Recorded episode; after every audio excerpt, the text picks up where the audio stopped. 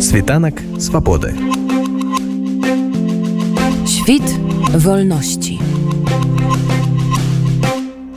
Ну і напрыканцы мы паслухаем размову майго калегі Андруся гаёва з беларускай валанцёркай блогеркай якую многія ведаюць пад нікам Хелен мінская. Нядаўна ён заснавала дабрачынны фонд для дапамогі ўзброеным сілам Украіны беларускім падраздзяленнем у іх. Але ад самых першых дзён да пачатку паўнамасштабного варвання расійскіх агрэсараў ва ўкраіну ракетных абстрэлаў украінскіх гарадоў Хелен удзейнічае ў дапамозе ўкраіне і украінцам Хелен мінская распавяла майму калегу Андрусю гаёвым пра тое як ёй удалося ўдалося згуртаваць беларусаў з розных краінаў свету на дапамогу ўкраіне якія справы яны з падплечнікамі робяць як усё гэта ўспрымаецца украінцамі. Ну а я жадаю вам усім добрага дня развітваю з вами беражыце сябе жыве Беларусь. 24 лютага пачалася паўнамасштабная агрэсія Росіі у тым ліку з тэрыторыі Беларусі супраць Украіны.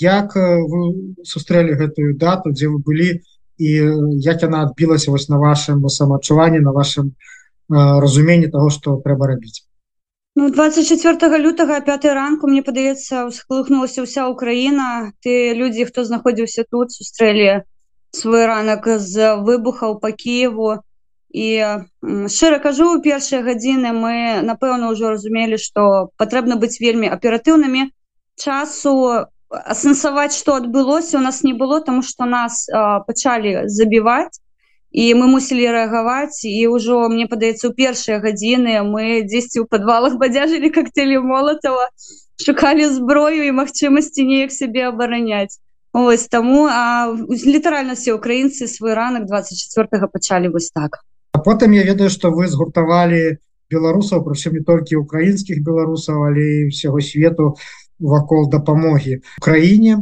у чым яна полягала полягае зараз. Насамрэч мы працавалі з дыяспорамі даволі такі доўга тому что перад гэтым былі наши бежанцы уцікачы якім патрэбна была дапамога у нас былі пэўныя сувязі.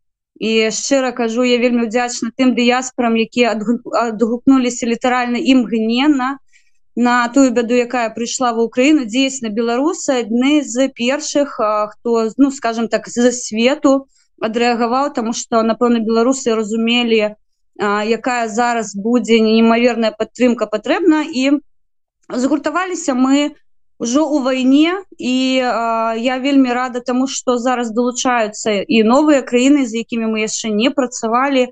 Таксама дыяспоры беларусаў якія бачаць что адбываецца і непасрэдна у хочуць неяк крануцца гэтай гісторыі і дапамагчы. Адпаведна увесь гэты час мы не просто камунікавалі паміж сабой не просто атрымлівалі дапамогу.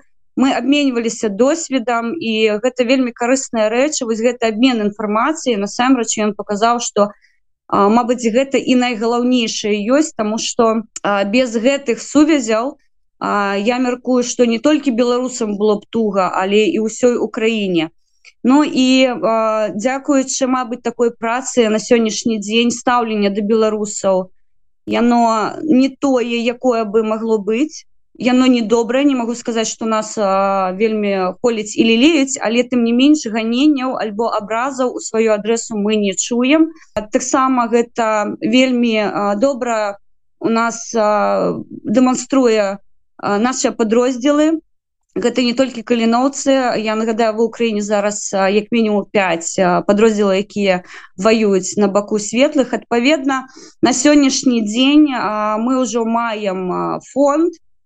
Гэта фонд заснаваны беларускай в Україніне дзейсна на мэце якога гэта згуртаванне беларусаў вакол вось гэтай бяды. І у кожнага беларуса з'яўляецца магчымасць зрабіць невялічкі ўнёсак у перамогу тому что у зразумела что для нас гісторыя для беларусаў ва ўкраіне не скончыцца тому что баліць нам а, вельмі моцна за Беларусь а маючы ўжо такой а, і баявы досвед у выглядзе наших ваяроў і вось такой моцны тыл якой мы зараз ужо напрацавалі і прыцягваем рабіць. Я мяркую что у нас вельмі вялікі шанец дзеля того каб вызваліць якасна Беларусь з мінімальнымі стратамі сярод наших ваяроў А вось вы сказали про гэты тыл. Ці можете вы удакладніць у чым палягае ваша дапамога?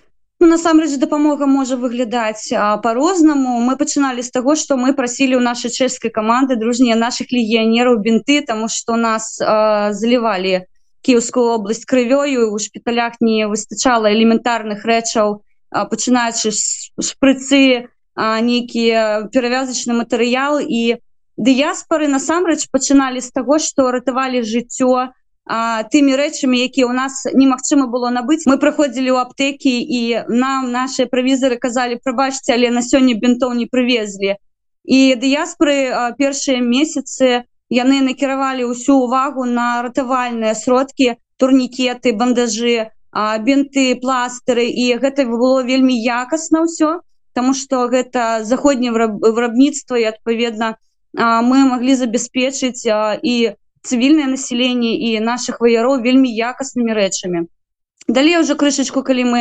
пазачынялі пытанне адышла навалач ад кіевской области. Пагроза з аднаго боку была знятая і мы ўжо перамкнули сваю увагу на экіпіроўку тому что ну як прыклад мой муж калі ішоў 25 лютага у казармы яму выдалі на 52 розмер два комплекты вопратку зіму і лета 46 і 56 розмеру адпаведна так гатаваліся да вайны то бок выдалі нешта але яно не адпавядала тому что мы бы хотели бачыць на наших байцах і мы заняліся непасрэднай экіпіроўкай мы прывозілі сюды абутак мы прывозілі сюды вопратку рознага кшталту прылады мы прывозілі прыцэлы оптыкі вельмі шмат прывезлі тому что яе у крайне хапала былі вялікія у нас праблемы з цеплавізарамі яны жыццёва неабходныя былі тут. Прыборы начнога бачання гэта ўсё тое что вось сярэдзіна скажем так актыўнай фазы войны прыцягвала нашу увагу Ну а зараз мы актыўна ўжо падрыхтаваліся да зімы. По наших подрозділах 70соткаў пытанняў зімняй вопраткі зімняга абутку зімовага зачынілі. і зараз зноўку нас з'яўляецца вось такое невялічка вакенца магчымасцяў калі мы можемм заняцца оптыкай машинамі дронамі то бок рэчамі якія ганяць в прынцыпе усе але іх не хапае. Адпаведна мы рэагуем на тыя запыты якія патрэбны непасрэдна зараз ЗСУ хутка будзе відэа ад наших беларускіх добраахвотнікаў тому что у а, мы вырашылі іх крышачку пагрэць і накіраваць ім варачныя буржуйкі то бок яны іх будуць не толькі грэць але і надаваць магчымасць прыгатаваць сабе смачную страву. Яна будзе гарачай наши хлопцы будуць по магчымасці ў комфортных умовах ваша дзейнасць больш накіравана на фронт непасрэдна для того каб дапамагаць нашим добраахвотнікам і іншым напэўна подраздзяленнем ці вы толькі з беларускімі працуеце? Я заўсёды подкрэсліваю нашим беларусам что мяне абараняюць зброеныя сілы Украіны як і моих дзяцей. Адпаведна у нас тут ёсць польскія легіянеры у нас есть брытанскія легіянеры і у А поверьте мне а ніводны волонтёр не скажа вам что яны з'яўляются для нас нейкімі асабістымі гэта все наши ваяры канешне як беларуска для мяне вельмі блізка стаяць наши подрозділы але адночас мы ніколі не падзялялі украінцаў паміж сабой палякаў альбо іншых прадстаўнікоў іншых легіянераў. Беларускія добраахвотнікі яны просто маюць сувязь з нами прамы і часцей мы з імі працуем як з украінскімі падроздзеламі тому что і там і там. Вось але могу вас запэўніць что калі до нас звярнуцца выпадкова прадстаўнікі з іншых легіёнаў мы ніколі ім не адмовім у дапамозе. Вы казалі что яшчэ да войны у вас былі сувязі з беларускімі дыяспорамі в которых краінах але мы ведаем что ну прынамсі некалькі тысяч напэўна беларусаў жыло ва ўкраіне многія з іх у 24 25 рванули за мяжу і зараз яны уже жывуць у Польшчы у літве нават да Іспаніі дабраліся наколькі я ведаю. Наколькі вось ад іх ідзе гэты фідбэк наколькі яны адгукаюцца гэты беларусы якія спачатку абралі для сябе Украіну але потым спужаліся войны з'ехалі. Я Мабыць крышачку подправлю тому что мне поступала непасрэдна першыя дні войны пакольку я под абаронай знаходжуся мне раілі пакінуць тэрыторыю Украіну пакольку Украіна на сённяшні дзень не можа гарантаваць бяспеку нашай сям'і.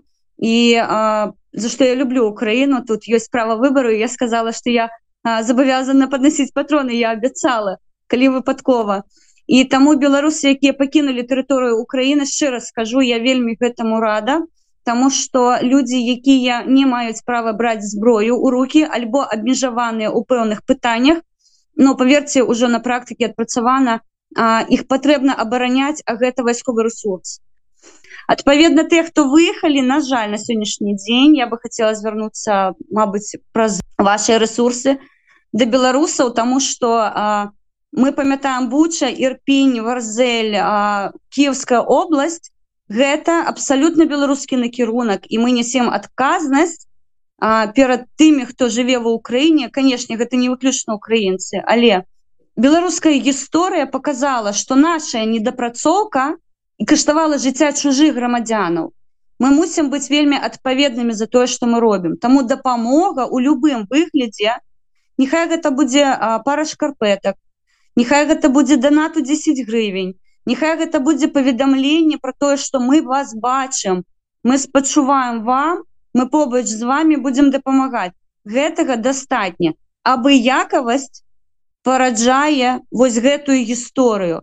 Вось гэтая гісторыя чарка шкварка ўсе беларуская на жаль прывела до таго что на сённяшні дзень буча ірпень варзель і ну амаль уся кіевская область гэта назаўсёды і не на одно пакаленне на сумленні беларусаў на жаль.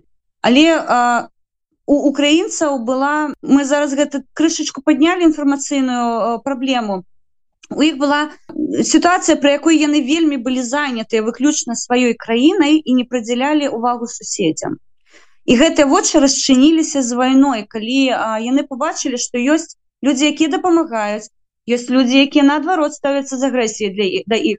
І яны пачалі размяжоўваць. Гэты працэс заняў пэўны пэўны час але нават тыя людзі якія Мабыць да мяне з вялікай абразай ставіліся вось гэта роўна тая гісторыя мы показываем что ёсць беларусы непродажныя а беларусы чэмныя якія готовыя на, надаваць дапамогу прымаць удзел непасрэдна ў баявых дзеях і адпаведна мы смогли за даволі такі кароткі тэрмін зламаць вось гэтую сітуацыю на сённяшні дзень хейту абразаў альбо нейкіх там тычкоў. І я больш скажу пачалі вырашацца пэўныя пытанні беларусаў якія мы два гады спрабавалі вось тут неяк прыцягнуць увагу. Да той же легалізацыі. Зараз ужо пэўныя крокі ў гэтым накірунку пачынаюцца але мы разумеем украінскую гісторыю. Давайте будем шчырымі просто не да нас. Адпаведна на сённяшні дзень я могу толькі падзякваць за паразуменне что яны э, знайшлі магчымасць нас пачуць асэнсаваць тое что адбылося і зразумець чаму так адбылося. Таму что Беларусь калі беларусам была патрэбна падтрымка яе не атрымалі.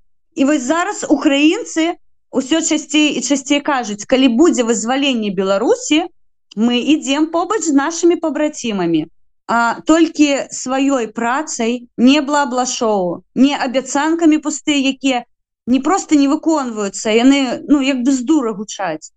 Толькі працай сваімі дзеяннямі і дапамогай мы можемм паказаць што дзейсна мы будзем ісці з вами плячо а плечо хто на першай лініі обороны а хто ў тылу подносіць патроны Ну і вось калі ўжо подносіць патроны распавядзіце якім чынам на вас выходзіць што рабіць куды пералічваць дзе шукаць нейкія контакты.